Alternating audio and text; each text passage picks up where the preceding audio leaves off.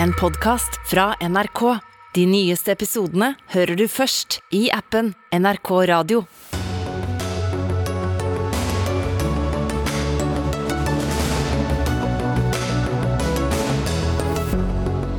I dag har det vært elleve års minnemarkering etter terrorangrepet på Utøya og i regjeringskvartalet.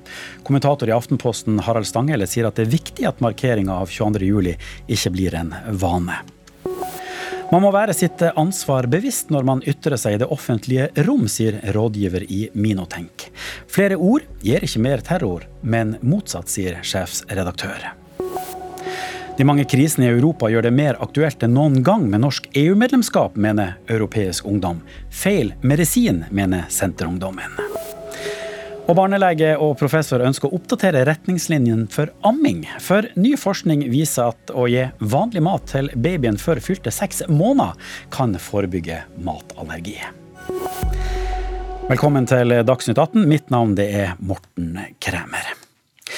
Eh, vi starter med at det i dag er elleve år siden 77 mennesker ble drept i 22. juli-terroren. Åtte i regjeringskvartalet og 69 på Utøya.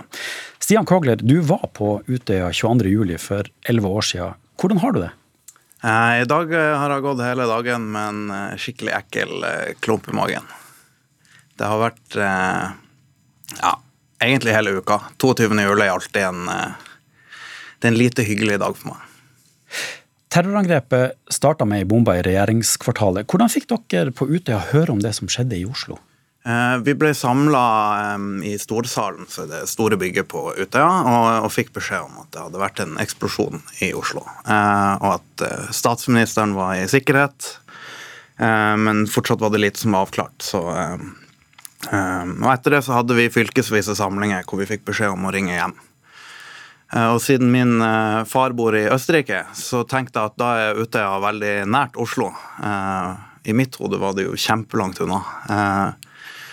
Men da sendte jeg han melding og skrev at det var ingen grunn til å bekymre seg. Jeg var på en liten, idyllisk øy et sted, og det var fred og ingen fare. Jeg var nok på det tryggeste stedet i hele verden.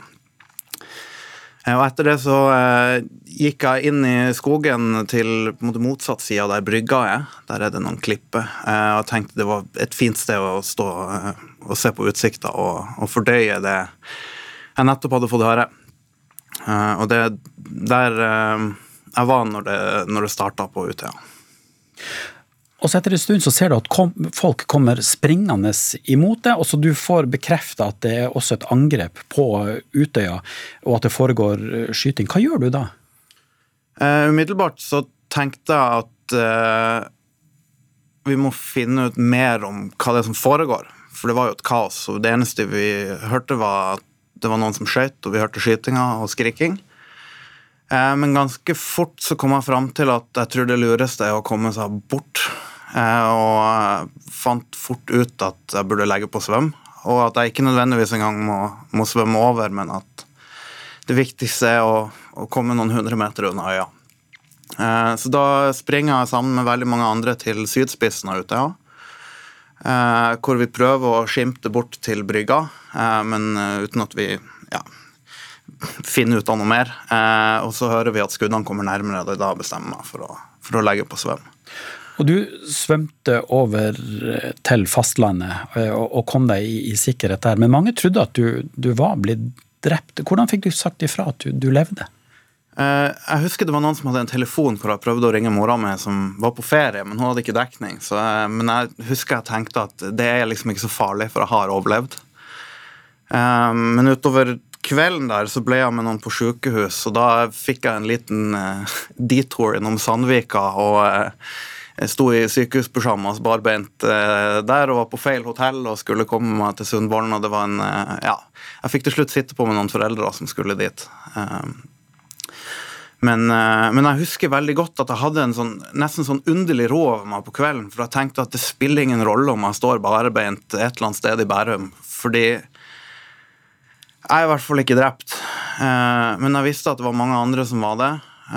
Og mens jeg svømte, så så jeg de som ikke hadde lagt på svøm, bli drept der jeg svømte fra. Um, så jeg, jeg husker jeg hadde veldig lyst til å, å komme til Sundvolden hotell og liksom snakke med de andre og finne ut eh, hvordan det går med mine venner og de jeg, de jeg kjenner. Hvordan har du opplevd tida etterpå? Umiddelbart den første tida var det jo veldig unntakstilstand og en veldig sånn ja, hva man skal si, veldig mye kjærlighet å hente. Jeg fikk klemmer på gata fra folk jeg ikke kjenner. Eh, og alle bare prøvde å gjøre et eller annet eh, for å gjøre det litt bedre.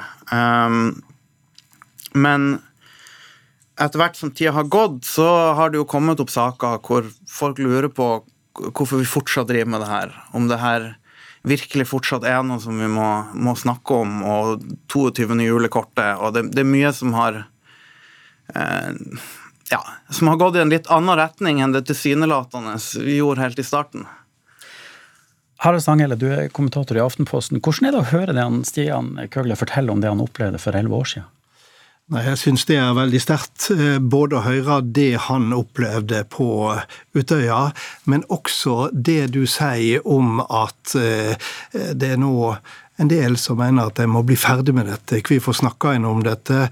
Eh, hvorfor gjentar en dette hele tida? Og det er jo der det ligger en kraftig advarsel eh, om at eh, fortellingene eh, om 22.07 er blitt forskjellige. Og jeg er jo da bekymra for at det har vært et gap mellom disse fortellingene.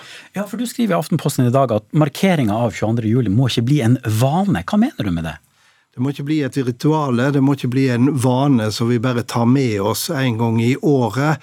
Eh, det må rive i oss, det må gjøre vondt. Og jeg tror også at eh, det er viktig å tenke over hvordan 22.07 eh, kan verte ei advarende kraft mot de kreftene også i vårt samfunn som deler tankegodset til 22.07 terrorismen. For dette var ikke blind terror, det var målretta terror. Og det er det altfor mange også i vårt land som sier at sånn var det ikke. Det var en galning, og så gjemmer vi oss bak i gåseøyne galningsstempelet. Det er det jeg er eh, redd for. I fjor var det ti år siden. Eh, et rundt tall som ofte gir eh, større rom for refleksjon og rom for å ta opp en debatt. I år er det elleve år, altså et mellomår, som, som, du skriver om i Aftenposten.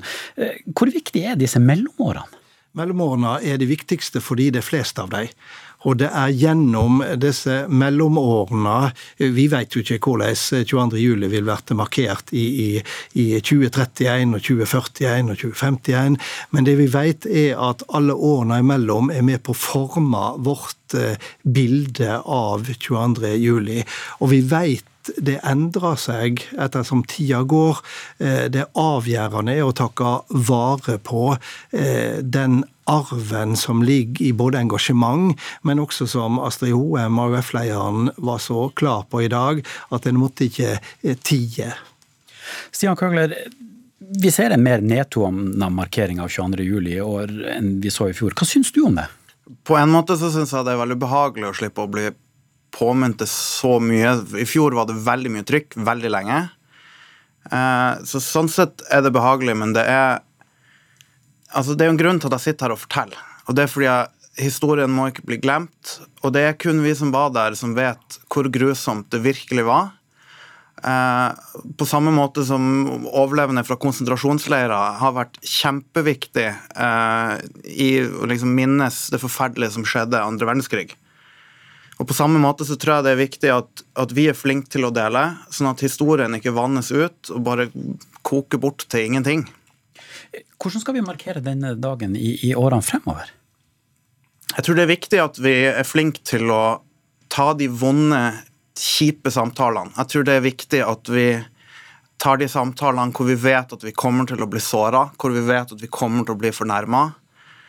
For det er bare når vi liksom snakker sammen at vi klarer å få til det her på riktig vis. Men da må vi tørre å ta de utrolig kjipe diskusjonene og det føler jeg at vi ser litt tegn til. Eh, og spesielt i fjor, hvor det var et ganske hardt ordskifte rundt 22. juli.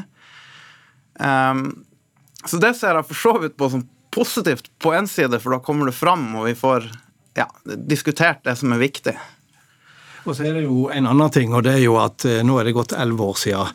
Eh, allerede så er det en hel liten generasjon som ikke husker sjøl eh, hvordan de opplevde 22. juli, og da tenker jeg ikke på dere som var der, men jeg tenker på alle oss som fulgte det utafra. Og med sikkerhet så vet vi at de som ikke har egne minner fra dette, vil bli flere og flere, og derfor vil tidsvitners betydning bli større større og større. Kommentator i Aftenposten, Harald Stanghelle, takk for at du kom hit. Takk også til deg, Sian Køgler, som kom og fortalte dine minner fra 22.07.2011.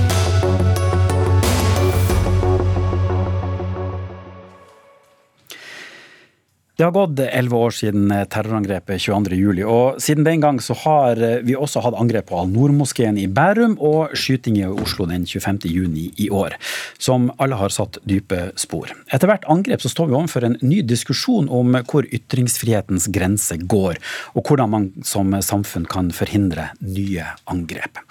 Katrine Thorleifsson, du er leder av Ekstremismekommisjonen og forsker ved Senter for ekstremismeforskning ved Universitetet i Oslo. Statsminister Jonas Gahr Støre brukte talen sin i dag på å oppfordre muslimer til å ta et oppgjør med negative holdninger mot skeive på bakgrunn av skytinga i Oslo. Hvor mye kan sånne oppgjør ha å si for å forhindre flere radikaliserte individer? Det har mye å si, og oppgjøret skjer hver eneste dag i mange ulike miljøer.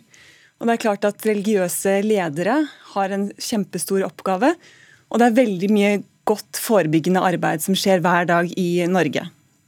Men så er det jo sånn at radikalisering skjer ofte i lukka forum på internett, steder som vi vanligvis eh, vanlige mennesker ikke oppholder oss eller har tilgang til. Hvordan kan man ta et felles ansvar mot radikale holdninger når det som regel ikke engang er synlig for oss? Det er eh, også et daglig arbeid, fordi holdninger er ikke alltid synlige. Men når det gjelder de som er radikaliserte, så ser man jo lekkasjer, tegn på at man har gått inn i en radikaliseringsprosess som man kan varsle myndighetene om. Men før det så er jo også det å ha motstandskraft mot uh, hatet og de menneskelige konsekvensene av det. Og det gjelder å være en medborger som, som bryr seg, og som sørger for at alle er sosialt inkludert i samfunnet vårt. Ja, Hvordan kan vi gjøre det? Det er å være en, kan være en god nabo, en god venn. En god, eh, på fotballbanen det er utrolig mange arenaer hvor sosial inkludering skjer. Og så Det gjelder også å fange de som faller utenfor. Det er mye ensomhet, og det er mange som går da inn i giftige nettsamfunn, hvor de radikaliseres inn mot eh, avhumaniserende innhold. Men det å si fra er jo ofte litt sånn skummelt, og, og, og ganske vanskelig. Ja, Spesielt hvis du er foreldre. Ofte er det jo venner og slektninger, helt andre som vil si ifra, fordi det er, kan være, være, veldig vanskelig. Eh, men sånn som eh, stemoren til Philip Manshaug sa, hun vil at hennes etterpåklokskap skal være vår klokskap. Man må senke terskelen når du er bekymret for noen, at det er noen som faller utenfor. At det er noen som går inn i et menneskefiendtlig univers. Forfatter og rådgiver i Minotenk, Lisa Soløy Knutsen. Etter at vi nå har opplevd flere angrep tilsynelatende retta mot spesifikke grupper i samfunnet, hvordan kan det offentlige ordskiftet bidra til å forhindre at vi opplever flere sånne angrep? Nei, altså Det er jo viktig å si at det er, det er, veldig mye som må gjøres på flere plan, eh, sånn som Katrine også snakker om. Eh, jeg er jo opptatt av samfunnsdebatten eh, i, i mitt daglige virke, og opptatt av at vi snakker om ytringsansvar. Snakker om at det å ytre seg, det er en handling. Det er noe som, som kan, kan ja, påvirke mennesker. Du kan motivere til ulike handlinger. Og Derfor er det også viktig for de som sitter med makt i samfunnsdebatten, å, å tenke på hvilke, hvilke, symboler, hvilke ytringer man slipper til. Eh, for jeg føler at altfor alt for mange ganger så lar vi dehumaniserende eh, ytringer, vi lar eh, konspiratoriske ytringer komme på trykk, og så har vi ikke nok beredskap for å, for å mot motarbeide og motsi eh, disse ytringene. Eh, det blir ofte bare eh, et skuldertrekk. Men, men hva er forskjellen mellom ytringsfrihet og ytringsansvar? Nei, altså For meg så, så mener jeg at ytringsfrihet det anerkjenner at ytringer og, og ord har makt. Det, ordet er ikke bare ord. Og vi må, vi må anerkjenne at, at vi kan ikke ha en absolutt ytringsfrihet. For det at vi har hensyn, menneskerettighetshensyn, som vi må ta. Når det er snakk om dehumaniserende ytringer, så må vi faktisk også verne sårbare grupper i samfunnet. Sjefredaktør i kulturavisa Subjektet, Dan Butchoy. Når handlinga så har skjedd, hvor mye skal man forholde seg til terroristens budskap?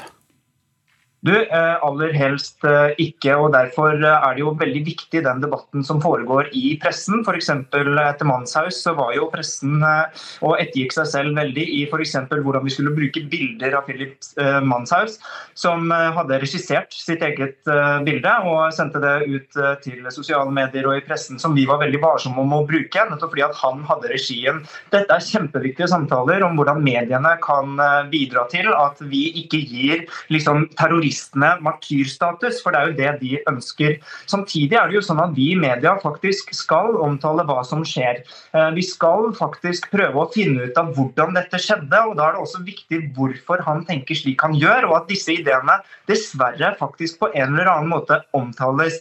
Gjerne kritisk, men man skal altså omtale det. Og jeg er veldig opptatt av ytringsfriheten som eh, redaktør, og jeg mener at eh, for å løse liksom, de verste styggeste problemene i samfunnet og utfordringene som vi har, så må vi ha mer og ikke mindre ytringsfrihet. Men jeg tenker jo jeg tenker jo også helt sikkert, eh, så, altså Jeg er ganske enig med Lisa Isuel Knutsen om at eh, vi alle har et ytringsansvar, og vi må være varsomme med hva vi sier. Men vi må også være varsomme med å si sant, noe er konspiratorisk, eller at hva som helst er eh, hatytringer eller dehumaniserende retorikk. fordi at det, I så fall så heller vi veldig mye ut med badevannet. Det skjer veldig mye godt i samfunnsdebatten, og det er også her vi kan motvirke radikalisering. Fra Senter for ekstremismeforskning så ble det jo nevnt sosialt inkludering. Og det er mange terrorister også som blir ekstreme av å ikke føle seg hørt. Eh, og Det viste også en forskningsrapport fra Senter for ekstremismeforskning at land, europeiske land med høyrepopulistiske partier har mindre sannsynlighet for høyreekstrem vold. fordi at ytringsfriheten fungerer som en ventil. Og Derfor er ytringsfriheten også veldig viktig i bekjempelsen av terror. Så vi kan ikke selge unna ytringsfriheten av frykt for at ideer smitter altfor ukritisk. Knudsen. Eh, jeg syns det, det, det, er veldig viktig um, å, å, påpeke at, eh, at, mediene har et spesielt ansvar når de publiserer f.eks. debattinnlegg, og faktasjekke disse. Og også være tydelig på hvilke politiske Um, altså politisk bakgrunn til de som ytrer dette. For det finnes aktører i samfunnet vårt som ønsker å føre en agenda som er hatefull. Men, men hvor tett henger ytringer sammen med handling? Altså, eh, Ytringer kan ha en eh, altså, mobiliserende effekt.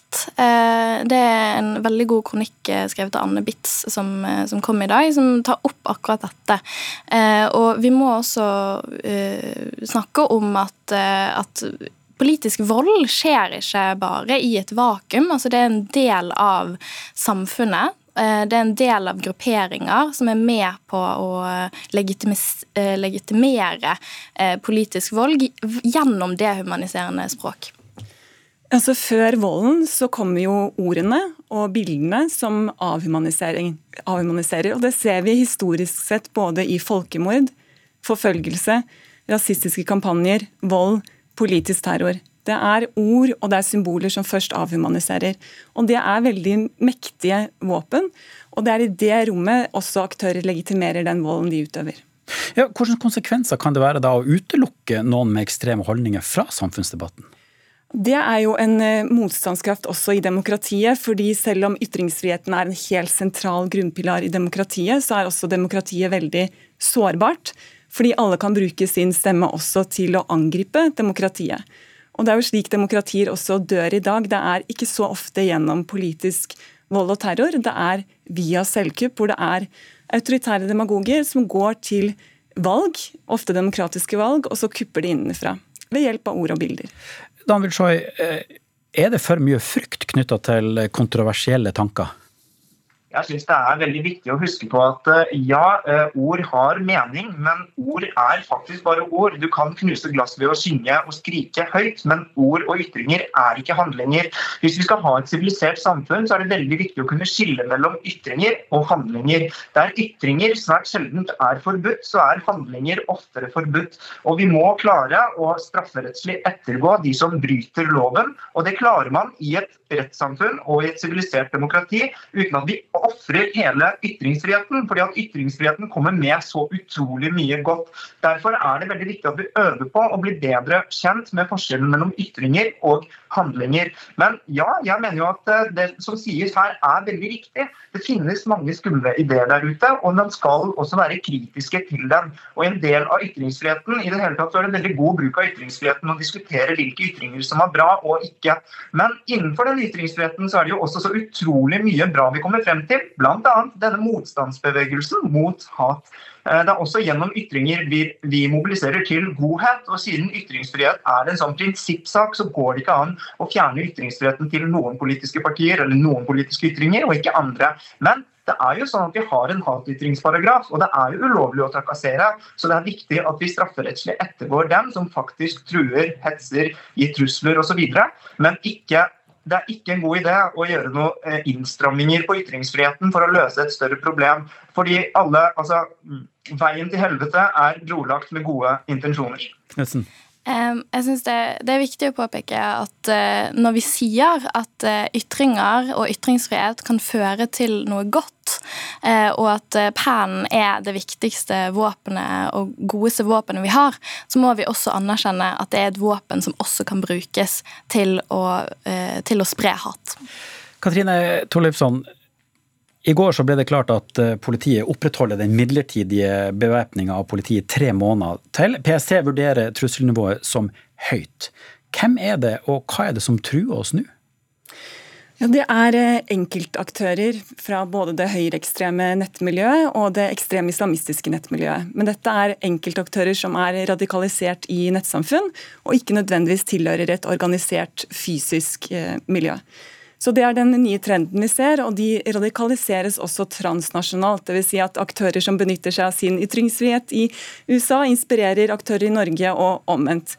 Men jeg er helt enig i at ytringsfriheten er helt, helt grunnleggende og sentral. og Man skal ikke nødvendigvis kriminalisere vekk den, men man kan bygge robusthet og robusthet mot hat i befolkningen gjennom demokratisk beredskap. Da fikk alle så å si lik taletid her i Dagsnytt 18. Takk for at dere kom til oss.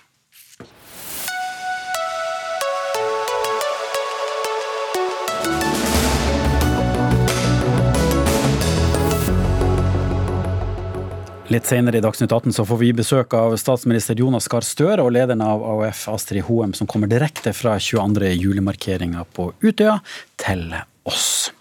Men nå Europeisk ungdom mener at det er mer aktuelt nå enn noen gang å bli medlem av EU. Norge bør utnytte energikrisa i Europa, høye klimautslipp og krigen i Ukraina og gå inn i EU. For nå har vi anledning til å gjøre det på våre egne premisser. Det mener du, Kristine Mek Stokke, leder i Europeisk ungdom. Hva har krisa i Europa å gjøre med norsk EU-medlemskap? Ja, Godt spørsmål. Eh, gang på gang så ser vi at eh, vi har kriser som vi ikke klarer å løse alene. Enten om det er liksom klimakriser, om det er pandemi, om det er krig, nå også da energi- eh, og strømkrise. Og dette påvirker oss. Det påvirker oss i aller høyeste grad. Vi er jo allerede 70% medlem egentlig av EU, hvis man ser på det sånn EØS-avtalen som helhet. Og det gjør jo at alle internasjonale kriser, og særlig europeiske kriser, blir en stor debatt for oss. og påvirker påvirker oss. Så du mener rett og slett at Norge skal utnytte situasjonen nå som EU står i ei krise? Jeg mener jo uansett, Vi i Europeisk Union mener at vi burde ta EU-debatten når som helst, eh, hvor som helst. Eh, men nå er det sånn man ser at f.eks. Ukraina går aktivt inn og søker trygghet hos EU. Eh, det gjør også flere andre, andre land som ønsker å, å, bli medlem i det store europeiske fellesskapet. Og Da mener jeg at det er helt naturlig at, europeisk, og at Norge også slenger seg på den europeiske bølgen. Men, men, hvorfor trenger Norge å gå inn i EU for å få større påvirkningskraft? Som du sier, vi er 70% medlem allerede, eh, med, med, bakgrunn i energikrisa. Mm. Eh, nei, det handler jo om at vi er, vi er, så integrert på alle mulige måter, og særlig på, på energi.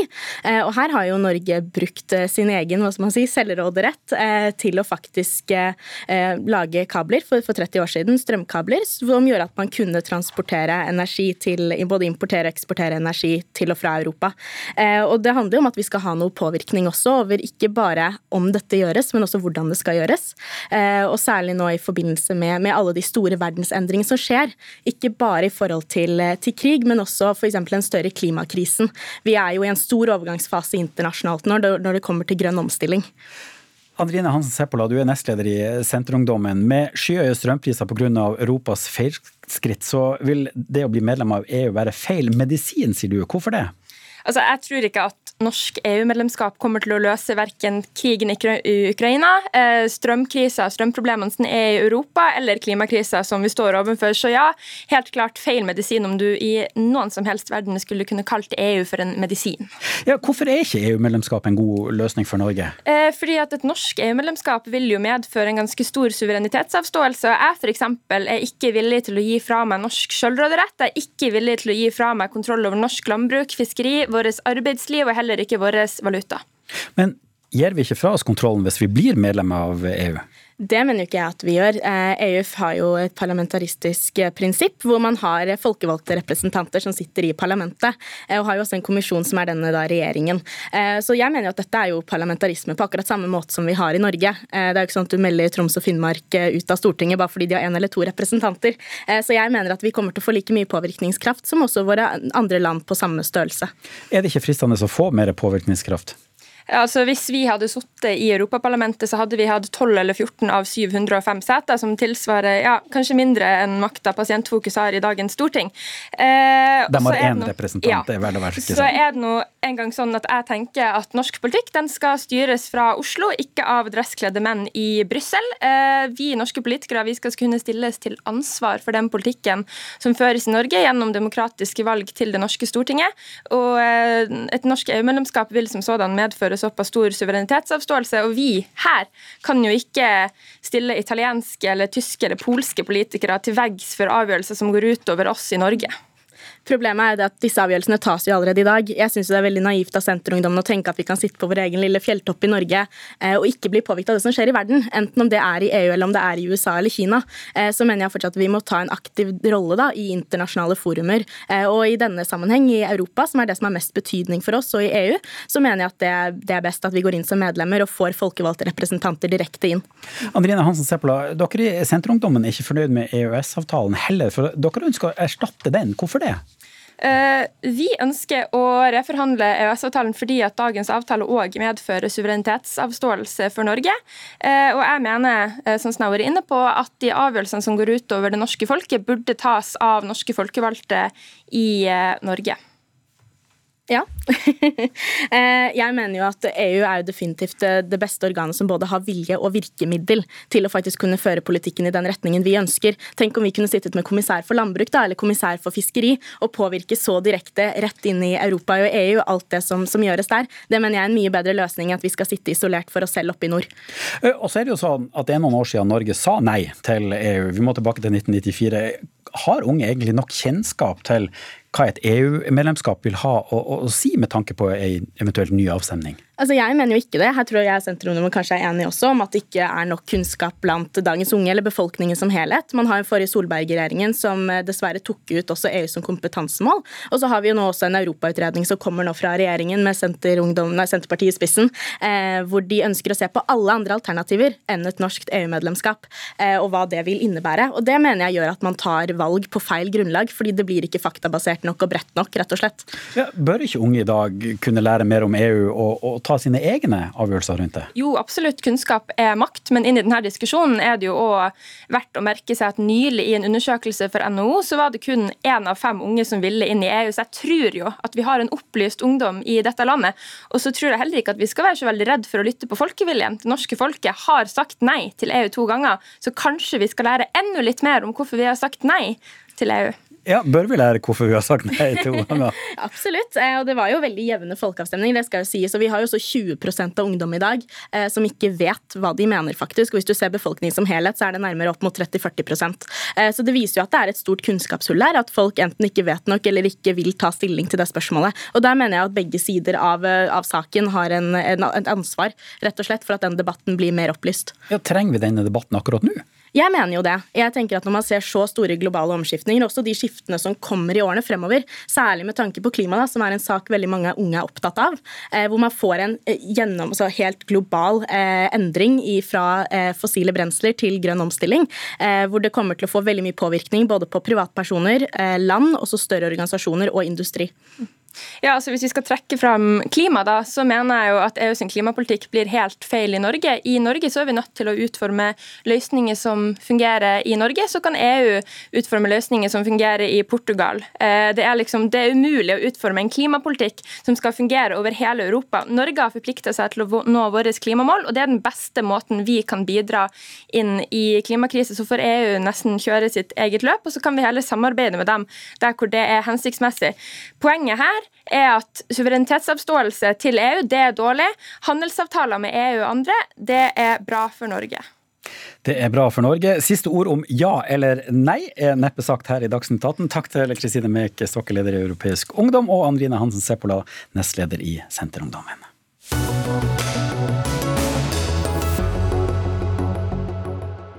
Nå skal det handle om livets første måned. Helsedirektoratet anbefaler at en baby ammes det første halve året. Ny forskning viser at fullamming i seks måneder ikke er det beste for barnet. For ved å gi barnet vanlig mat tidlig, så kan det forebygge matallergi.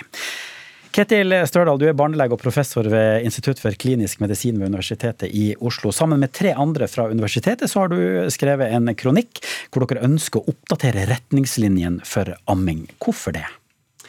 Det er fordi at eh, vi har fått eh, ny kunnskap gjennom den studien som eh, nettopp er publisert. En relevant skandinavisk studie fra Sverige og Norge, og som er en stor studie. Og som viser det som faktisk to andre ganske nye studier også har vist, at faren for matallergi er lavere hvis du starter ved tre-fire måneders alder med smaksprøver. Og så er det sånn at Helsedirektoratet anbefaler full amming i seks måneder. Men du vil ha endra retningslinjene. Hva skal de retningslinjene inneholde? Jeg tenker at de retningslinjene fortsatt skal understreke at eh, amming er et veldig bra eh, virkemiddel for barnet til å ha god helse. Det er vi veldig enige om, tror jeg alle sammen, at eh, amming er det beste for barnet. Og så ønsker vi at retningslinjene skal ta inn seg den nye kunnskapen om at matallergi faktisk kan forebygges med å starte med smaksprøver fra tre-fire måneders alder. Anne Bærhaug, du er forsker og ernæringsfysiolog ved Enhet for amming i Folkehelseinstituttet. Er du enig i at retningslinjen bør ta utgangspunkt i, i det nye studiet? Jeg er enig i at eh, retningslinjer må se på all ny forskning om eh, temaet fullamming.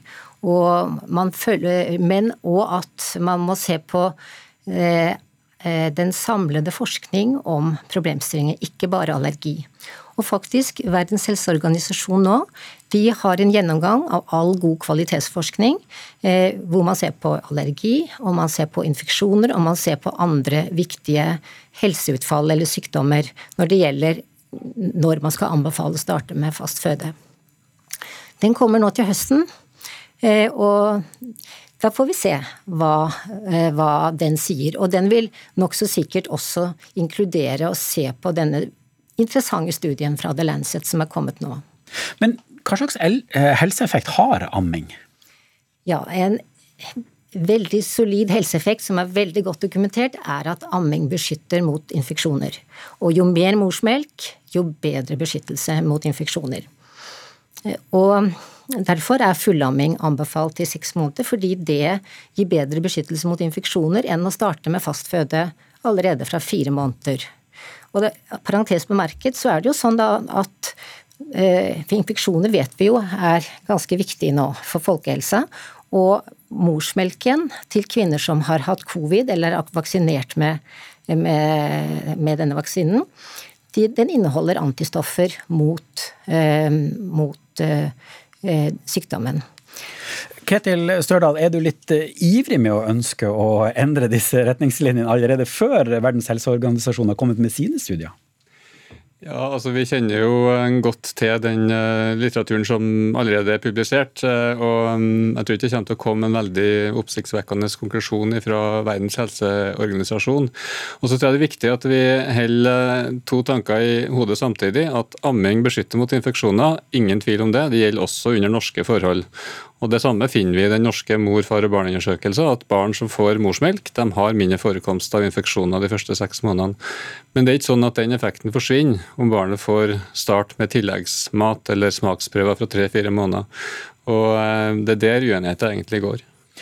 Oda Weider Krogh, du er pedagog og programleder av podkasten Familieliv og tobarnsmor. Når du hører at fullamming ikke er det beste for barnet, hva tenker du da? Eh, jeg tenker jo at vi også må eh, ta med mor her. Eh, fordi det er jo to inne i bildet her. Det er mor som produserer morsmelken, og så er det barnet. Og Derfor syns jeg at denne kronikken det er veldig fint at vi har forskning på hva som er bra for barnet. Men jeg syns den er unyansert og utydelig i forhold til ivaretakelse av mors helse, og ikke minst mor-barn-helsen, som jo dette handler om. Og jeg vil jo også si at som tobarnsmor, og jeg har ammet mine barn så lenge de har villet, eh, så er jo amming også veldig mye mer enn bare å gi næring. Og det tenker jeg også at eh, denne kronikken, som eh, blir ganske politisk ladet når den publiseres hos dere, det tar ikke den høyde for. Og det tror jeg skal ha ganske farlige konsekvenser for, for mor-barn-helsen, men også for kvinners rettigheter som jeg syns er viktig at vi også tar med. Ja, Hva mer er det å, å amming enn å bare gi næring? Det er jo psykisk helse for barnet. Det handler om tilknytning, det handler om trygghet. Og eh, vi vet jo at forskning på eh, ammende mødre gjør, den viser jo at det reduserer faren for fødselsdepresjon. Så eh, når jeg da hører at man skal begynne å gi fortere fast føde, da, som også roses i kronikken at vi allerede er ganske gode på å gjøre, før seks måneder. Så, eh, så tenker jeg jo da at eh, hva er det da på en måte mor sitter igjen med hvis hun da Det er veldig forvirrende, det budskapet, når man da på en måte ikke er så viktig lenger. da. Fordi eh, morsmelken da ikke er så eh, beskyttende eh, ifølge denne studien. Så det, det, det, det syns jeg er ganske sånn det er ikke så bra eh, formidling til norske mødre i dag. Det er forvirrende. Og eh, jeg tror jo da, i lys av kvinners rettigheter og tid med barnet, som vi kjemper så hardt for å få mer av, at det, dette er jo en negativ utvikling. da. Bærøy. Ja, jeg fikk ikke egentlig fullført det med helseeffekter for, eh, for, barn og mor, fordi det er også studier eh, som viser at det trolig beskytter amming for barnet, da, beskytter mot overvekt, mot diabetes og faktisk også enkelte kreftformer. Og når det gjelder mors helse, så er det god forskning som viser at det gir noe redusert risiko for brystkreft hos kvinnen selv som ammer, og trolig også eggstokkreft og diabetes. Og man ser for mange av disse utfallene at du har en dose-responseffekt. Altså jo mer eh, intensivt, jo mer morsmelk, jo, jo større effekt. Ketil Størdal, vi hører om mange fordeler med å amme, både fysiske og eh, psykologiske her. Eh, hvem er det som er viktigst? Er det barns helse, eller er det mors helse? Jeg tenker at Det er ikke noen eh, si, eh, konflikt mellom eh, mor og barns helse. Og mm, Det er ingen tvil om at amming har veldig gode effekter. Både for barnets helse, men også for mors helse. Og Det som jeg tror er viktig, at, vi, at det er viktig at vi prøver å skille, det er at debatten dreier seg om når skal man starte med tilleggsmat. Skal man holde på med fullamming i seks måneder eller fire måneder? Og eh, Det kom en ny anbefaling fra eh, Helsedirektoratet for eh, drøyt 20 år siden som på en måte anbefalte at man skulle gå over til å anbefale seks måneder. Og Det viser seg å være en anbefaling som er veldig vanskelig å følge opp for norske kvinner, selv om det finnes gode rettigheter når det gjelder amming og permisjoner, og sånn, så er det vanskelig å på en måte få det til å fungere som fullamming i hele seks måneder. Så Det er bare 5% av norske kvinner som klarer å holde på så lenge. og vi tenker da at Retningslinjene må også forholde seg til virkeligheten. At dette er en ganske stor, eh, stor jobb å gjøre, og kanskje er det ikke nødvendig å holde på riktig så lenge med fullamminga. Ja, eh, ja, amming er ikke alltid så like, like, enkelt. Men en ting som kan være verdt å merke seg, er at har en kvinne fullammet i to-tre måneder, så vil hun også ha nok melk til å fullamme til seks måneder. Men altså, kvinners opplevelse er viktig, derfor så er det generelle rådet om fullamming til seks måneder, der understreker man jo også at det må tilpasses individuelt. Ehm, så det, var, ja, det, er et viktig poeng. Og så er det jo sånn at hvis man starter tidlig med fast føde og øker på med det, så går automatisk eh, morsmelkmengden, produksjonen, ned. Det er en enkel mekanisme. Slik at eh, i denne Preventa Dahl-studien så var det like mange som ammet ved seks måneder, men vi vet ikke hvor mye morsmelk de ulike gruppene fikk. Det ble ikke undersøkt, eller i hvert fall ikke rapportert da, i denne studien. I den studien så ble det gitt eh, små mengder med tilleggsmat, og i praksis så er det jo ofte det barnet tar til seg. Det er ganske små mengder, sånn at det er på en måte en forberedelse til at uh, andre typer mat skal bli uh, viktig. Uh, og Det vi ser i en Prevent Adal-undersøkelse, er at det var ikke noe forskjell i hvor lenge mødrene amma, avhengig av om de fikk tilleggsmat fra fire måneder eller fra seks måneder. Så, så, det er på en måte ikke noen fare, sånn som jeg ser det, med at amminga Eh, taper i varighet totalt sett. Oda Weider Krogh, det er lett å bli forvirret når vi hører alt snakket om seks eller eh, fire måneder. Hva gjør alt dette pratet om amming eh, med det sosiale presset rundt det å, å skulle amme? Det kan jo enten øke det eller gi trygghet om at hvis du syns det er Altså vi er veldig forskjellige, vi mødre. og tenker at Det må vi ta høyde for og hensyn til. Så hvis du eh, er sliten, det har vært vanskelig, det har vært tøft, så er det en trygghet at du kan også gi eh, fast føde fortere enn andre. Men jeg syns jo også at dette er med på å eh, altså undergrave eh, den derre Det er beinhardt å amme, men det er også helt fantastisk når det funker. Og det er jo veldig praktisk. Og så er det noe så helt spesielt mellom mor og barn. Sånn at det å på en måte eh, skulle la mor slippe å amme fordi hun heller kan gi mat, jeg syns det også er veldig forvirrende. Og på en måte eh, det blir jo, Du er jo allerede så sårbar i særlig det første halvåret at jeg tenker at dette, dette er for unyansert og utydelig. Hvor er det egentlig vi vil når man på én side i kronikken eh, roser at Norge er et kjempe kjempeflott. Altså, kvinner er helt rå på å amme i Norge, som jo er superbra. Men så på den andre siden så, så skal vi liksom også slutte. Og jeg må bare få sagt det. Hvis vi, hvis vi når vi sier at det ikke er nødvendig og det er så hardt for kvinner å jobbe, så hun kan få slippe, det er så eh, farlig politisk sett. fordi at Politikere hører dette, de vil ha kvinner fortere tilbake igjen til jobb. Og hvis vi plutselig da har fått forskning som sier at rent fysiologisk så er det ikke så viktig lenger, så er jo det et Men, enormt press på kvinnen. Det er en annen debatt, men nå er det noe sånn at mat må man ha, og når maten er spist, så er måltidet gjort, uansett om det er lite eller stort. Takk skal dere ha, Oda Wede Krog, Anne Berg og Ketil Størdal.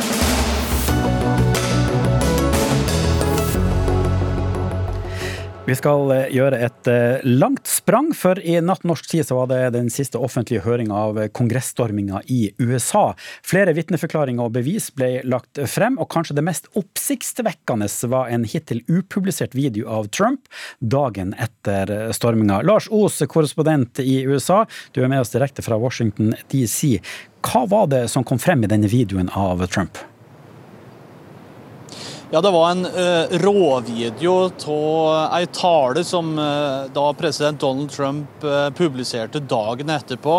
Og vi ser ganske tydelig at han sliter litt med å si flere ting som står på denne prompteren. Altså, det er jo en, en sånn skjerm som de her i, landet bruker, og i Norge òg, bruker på å lese av når de ser rett i kamera. Og han hadde ikke særlig lyst til å beskrive at eh, tilhengerne hans var eh, kriminelle. Han ønska heller ikke å si at valget var over. Han avbrøt flere ganger. Vi hører òg at Ivanka Trump, dattera hans, står i bakgrunnen og prøver å hjelpe ham. og det eh, forsterka egentlig det, de synspunktene som har kommet fram gjennom alle høringene. At uh, Donald Trump han uh, mener fortsatt at valget var stølen, og, og uh, ville ikke innrette seg til faktisk det som skjedde. Hva slags reaksjoner har det kommet i USA på denne videoen?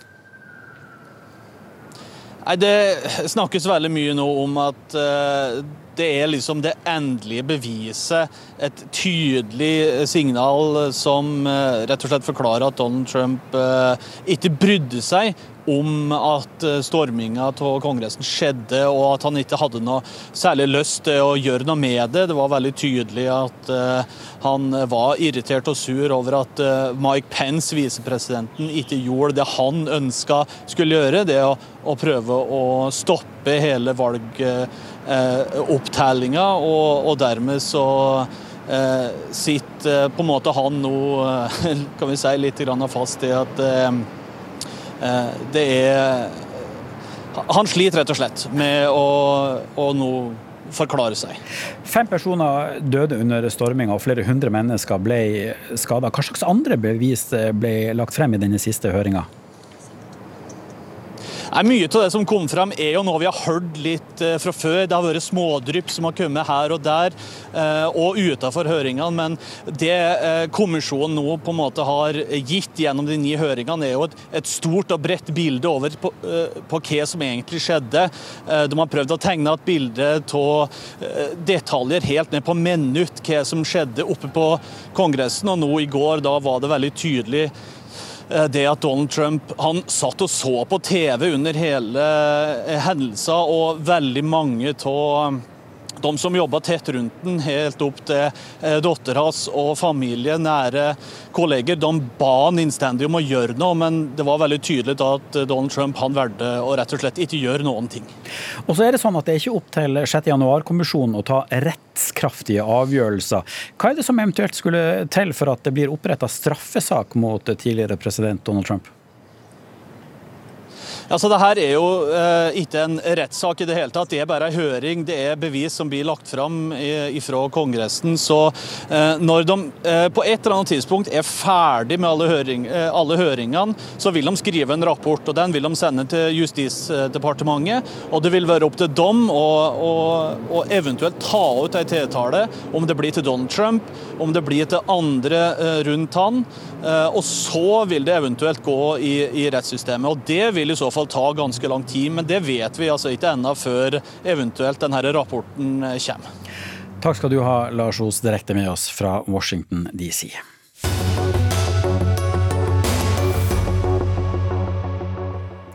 Vi skal tilbake til at det er elleve år siden 22. juli-terroren. Det har vært flere markeringer rundt omkring i hele landet og i Oslo. Og det var ei sår stemning på Utøya i ettermiddag når det skulle markeres at det er elleve år siden Arbeiderpartiet og AUF ble angrepet i regjeringskvartalet og på Utøya. Og dere kommer direkte fra markeringa hit til oss. Astrid Hoem, du er leder for AUF og var på Utøya 22. juli. Hvordan var det å, å samles der nå? Det er jo vondt, men det er også godt å være sammen. Og det er jo noe med at når årene går, nå er det gått elleve år, så er det ikke bare savnet etter dem vi mista da vi mista dem, som 16-åringer og 18-åringer og 22-åringer, men også det savnet etter alt som skulle ha blitt, da. Som vi ikke får, fordi de ble så brutalt revet fra oss. Det at man savner det de skulle ha blitt, er det noe du tenker mye på? Det er noe jeg tenker mye på. Eh, og som ei etterlatt mor sa til meg, så sa hun at hun kunne se på oss andre at vi var blitt eldre. Men når hun så ut i en folkemengde og så noen som hun i et glimt tenkte ligna på dattera si, så var de alltid 18 år. Fordi hun vil alltid være 18 år, og de vil alltid være så gamle som de var. Og det gir henne på en måte sorgen å savne en ny dybde hvert eneste år, fordi vi får ikke bli kjent med dem år for år som går. Statsminister Jonas Gahr Støre, hvordan har dagen vært? Den har jo vært i form ganske lik de siste årene, for de følger egentlig en, en, en sånn fast mønster. Samling i regjeringskvartalet, markering der. En tur innom Domkirken, og så markeringen på Utøya. Og Det er noe fint med det. Jeg opplever som Astrid sier, at det å komme sammen på en dag hvor man både minner og føler sorg, og så tror jeg etter 22.07 i fjor, hvor det var tiårsmarkering, så har det blitt et venne i debatten som sier at la oss også bruke det som skjedde da for å sette søkelys på det som er aktualitet nå. Og Da handler det om liksom kampen mot ekstremisme, mot vold, det som kan ta liv. Vi har altså et terrorangrep i Oslo 25.6 Eh, mindre enn en måned eh, bak oss, eh, som har noe av det samme i seg, nemlig at uskyldige mennesker blir drept for hvem de er. I dette tilfellet sannsynligvis også ut fra hvem de elsker, dagen vi skulle ha pridemarkeringen. Så det har vært en, en, en, dag med mange inntrykk, og den kommer nok til å sitte i en stund. Ja, for du brukte talen din i dag til å oppfordre muslimer til å ta et oppgjør med negative holdninger mot skeive på bakgrunn av skytinga i, i, Oslo. Hvorfor gjorde du det? I fjor så sa jeg til den demokratiske høyresiden, de som er i politikken på høyresiden, at det er miljøer der ute som uh, du kan kalle på ytterste høyresiden som hører mer på dere enn på meg, på vårt, vår side av politikken, og der deler på vår side av politikken hører mer på oss. Nå må vi henvende oss der hvor vi har gjennomslag. Det var et poeng da. og jeg husker uh, unge Høyre-lederen på det tidspunktet sa selvfølgelig det ansvaret skal vi være med å ta. Nå er det da sannsynlig at, uh, eller vi, det vi vet fra etterforskningen, eller vi antar at denne gjerningsmannen 25.6 var inspirert av uh, islamistisk ekstremisme. Og da sier jeg at ledere i det muslimske miljøet det er jo, De aller fleste mennesker i Norge er moderate og ønsker å leve fredelig liv de når bedre frem til de miljøene. Uh, Skeive mennesker i Norge i dag utsettes for hets og trusler fra ytterkantene. Uh, og da må vi nå fram til dem. Uh, og Her gjøres det veldig mye godt arbeid i mange muslimske miljøer, det vil jeg berømme. Og jeg vil oppfordre til at de bruker de mulighetene de har til å snakke for toleranse og mangfold, og at vi kan leve fri for ekstremisme og hat. Nå er det ikke alle som er enig i det, i det du sier i, i, dag, og at du bruker 22.07 til å nettopp si det du sier. Hva tenker du om det? Det må vi jo ha respekt for. Eh, men jeg mener 22.07 er en dag for å sette da ekstremisme og vold som har rammet oss i en katastrofe i 2011. Eh, vi hadde et angrep på en moské i 2018, eh, og nå har vi altså 25.6 angrep på, på mange skeive i i Oslo. og Da mener jeg at det er et ansvar for å se sammenhengene mellom det. og uh, Igjen så vil jeg berømme mange i, i det muslimske miljøet som tar disse stemmene, sier klart fra. De når fram. Uh, og Jeg tror alle som kan være det du kaller influensere mot miljøer som lytter til dem, skal ta det ansvaret. og 22.07 er en dag i tillegg til å minnes, til å også bruke aktualiteten til å ta vare på tryggheten i samfunnet vårt. Jeg vil minne om det, som jeg har sagt i dag. Vi har en forhøyet terrortrussel i Norge i dag et høyere trusselnivå enn vi har vært vant til. Det er, det er noe alvor over det. og PST og politiet de eh, er på, i beredskap for det nå i sommerukene. Men du og jeg og vi må også ta et ansvar i måten vi ytrer oss på og, hvilke holdninger vi, vi markerer. Kommentator i Aftenposten Harald Sangele skriver at vi må passe oss på at 22. juli-markeringen ikke blir en, en vane. Med det å bruke det dagsaktuelle bildet, eh, klarer vi da å formidle det som skjedde 22.07. for elleve år siden, til den oppvoksende generasjon? Altså jeg tror det skal være en kombinasjon av det som Astrid også sier, vi skal minnes de vi mistet. Uh, slå ring om de som opplever sorgen. Uh, overlevende, etterlatte. Det er veldig mye sorg ute fortsatt etter dette. Så dramatisk som det var. Det må ligge fast. Men så tenker jeg jo i lys av det de døde for, de som ble drept, enten de jobbet for demokratiet i regjeringskvartalet eller var på leir på Utøya Eh, eh, deres kamp var jo for frihet, eh, og da må vi kunne markere de temaene som er, enten det er knyttet til nå krig i Ukraina, vi har terror i Oslo, og ikke lukke det ute. Det, det tåler demokratiet og debatten vår. I fjor så var det tiårsmarkering, og det ble sagt at vi endelig kunne snakke om det som, som skjedde, og at vi skulle ta et oppgjør med kreftene og, og, og holdningen som hadde gitt grobunn for terroren. Hvordan syns du det har gått? Det som kanskje gjorde sterkest inntrykk på meg etter tiårsmarkeringa i fjor, var at eh, jeg snakka på LOs kartellkonferanse og sa egentlig akkurat det samme som Eskil Pedersen hadde sagt ti år før, om at også høyresida har et særlig ansvar for debatten etter 22.07. Det ble en knallhard debatt etter Eskil sa det. Eh, det var måneder med ulike innfallsvinkler på at AUF var mot ytringsfrihet og en fiende av demokratiet, rett etter at vi var blitt angrepet for å delta i demokratiet. Men når jeg sa det i fjor etter en sommer med en debatt, så kom det ingen reaksjoner. Det er ikke ofte man som politiker blir glad for ingen reaksjoner, men akkurat da tenkte jeg at det viser også at debatten har gått videre. Og så ser jeg også at det at vi kan trekke sammenhenger, for det er sammenhenger mellom de tre terrorangrepene vi har hatt i Norge de siste elleve årene. Angrepet mot regjeringskvartalet og Utøya, som var et angrep fordi vi var medlem i AUF og fordi Arbeiderpartiet satt i regjering. Det var et angrep på Al-Noor-moskeen i Bærum, som var et angrep på mennesker fordi de hadde en annen hudfarge, fordi de er muslimer. Og nå så vi også et angrep mot mennesker som fordi de elsker noen, eller fordi at de ønsker å være dem de er, eh, trans, skeiv, eh, også blir angrepet. Og det er at terrorens mål kan være ulik, men målet er likevel det samme. Da. Det er å angripe mennesker fordi de er det de er, fordi vi er dem vi er. Og det er vi nødt til å si høyt og tydelig imot. Så vil jeg bare også legge til at um, at det er viktig at alle som, som kan ha en tydelig stemme i, og der andre blir lytta til, eh, gjør det. Og så er den debatten her også litt ekstra krevende. Eh, fordi at når vi ba om det i fjor, så var ikke jeg et eneste sekund redd for at eh, Høyre-medlemmer skal oppleve hets og trusler og vold på gata.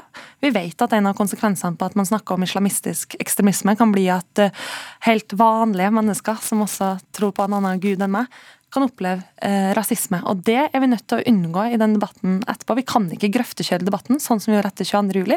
Og samtidig må vi kunne si at alle som blir lytta til i enkelte miljøer, er nødt til også å løfte stemmen. Hvorfor tror du denne debatten er så vanskelig? Demokrati er vanskelig. Eh, det ser vi jo. Det er jo tilbaketog mange steder. Nå er vi i en veldig urolig tid. Vi har krig i Ukraina. Vi har store klimautfordringer. Se på denne sommeren. Vi har store oppgaver vi skal løse. Da må demokratiet være på sitt beste, få frem meningsmangfold, uenigheter, debatter, bryne meninger. Det skal vi klare. Men vi må ikke synke ned i det at det blir hat, konspirasjonsteorier. Eh, Astrid har minnet på det en del ganger i dag at denne krigen i Ukraina bygger også på konspirasjonsteorier. Eh, det er farlig. Eh, så debatten er krevende. Men jeg er jo optimistisk i den forstand at dette kan demokratiet klare. Vi kan klare meningsmangfoldet. Vi kan klare mangfoldet av tro, legning, elske den du eh, vil. Eh, det kan vi leve med og bli et bedre samfunn. Men da må vi altså være på vakt. og jeg gjentar det. Politi og PST skal gjøre sin jobben i den harde enden. Men på forebyggingssiden så har du og jeg også et ansvar i forhold til hvordan vi er i sosiale medier, hvordan vi er på arbeidsplassen, i debatten rundt kantinebord, i familier, hvordan vi snakker til, til, barna våre. Men det å si fra når noen går over streiken eller mener noe som kanskje ikke er politisk eh, riktig, eh, det er ganske vanskelig? Det bør ikke være det, og jeg mener i demokratiet så skal det være fullt ut mulig. Eh, men det som ikke er greit, det er når det går over til sjikane og hets. Og det vi har sett disse ukene, det har gjort inntrykk på meg, det er å møte folk fra det skeive miljøet, LHBT-miljøet, som er urolig og redde nå. Eh, vi har nevnt transpersoner som en særlig utsatt gruppe. Det er ikke en veldig stor gruppe, men at de skal oppleve utrygghet i Norge, sånn kan vi ikke ha det i 2022, og det må vi si helt klart fra om. Jonas Gahr Støre, du skal videre til Dagsrevyen, for det skal også handle om 22. juli-markeringa Takk til deg. Men Astrid Håm, de fleste som er aktive i AUF eh, i dag, var ikke det i 2011. Hvordan skal AUF holde 22. juli-debatten gående? Nå, det som gjør meg aller stoltest, det er når nye AUF-ere kommer inn, kanskje ikke engang har egne minner fra 22. juli, men som spør, eh, som er med i debatten om høyreekstremisme, som eh, minnes dem vi mista og bærer arven videre. Og Det gjelder også utover dem som er nye AUF-ere, men også når vi har skoleklasser utover på Utøya. Folk som kanskje bare var fire-fem år 22. Eh, juli, men som er med å diskutere det, og kanskje diskutere det grundigere og bedre enn man ofte klarer i kommentarfeltene. Det gir meg håp, da. Og det er så viktig for, for alle oss som har 22. juli tett på oss, enten vi var der eller vi husker den dagen veldig godt, så er det et før og et etter. Men for alle generasjoner som kommer, så er det kun et etter. Og da er vi både nødt til å klare å minnes dem vi mista, men også klare å stå i kampen mot ekstremisme sammen. Hvordan har du opplevd de elleve årene som har gått? Det har vært krevende. Um, og noe av det jeg kanskje vil si at uh, jeg har blitt aller mest redd for de siste elleve årene, er normaliseringa av det ekstreme normaliseringa av ting som man før ikke la bli sett sagt i offentligheten, som vi nå ser det bli. Eh, rundt omkring oss i Europa og ellers i verden også, så ser vi at det er normalisering av det ekstreme helt i toppen av politikken, som Jonas også var inne på. Vi har en angrepskrig i Ukraina som er tufta på konspirasjonsteorier. Eh, og da er vi helt avhengig, ikke bare av at politikken bidrar, ikke bare at religiøse miljøer er uavhengig av det, om det er prester eller imamer, men også hver enkelt av oss. da i samtalene i middagsbordet, der folk har tillit til oss når vi hører noen si noe, så må vi si ifra rundt lunsjbordet på arbeidsplassen, i vennegjengen. Og Det kan mange oppleve som krevende, men den aller viktigste beredskapen vi har, det er hverandre, og da må vi bidra inn i den beredskapen. Selv om det er vanskelig å si ifra, så må vi tørre å gjøre det oftere for å unngå det vi opplevde for elleve år siden. Takk skal du ha for at du kom hit, Astrid Hoem, leder i AUF. Det blir mer om 22. Eh, juli-markeringa i Dagsrevyen og sending utover her på NRK. Ansvarlig for Dagsnytt i dag, Synnøve Vereide Tramfe. Teknisk ansvarlig Ida Brenna. Mitt navn Morten Kremer. Takk for følget. Du har hørt en podkast fra NRK. De nyeste episodene hører du først i appen NRK Radio.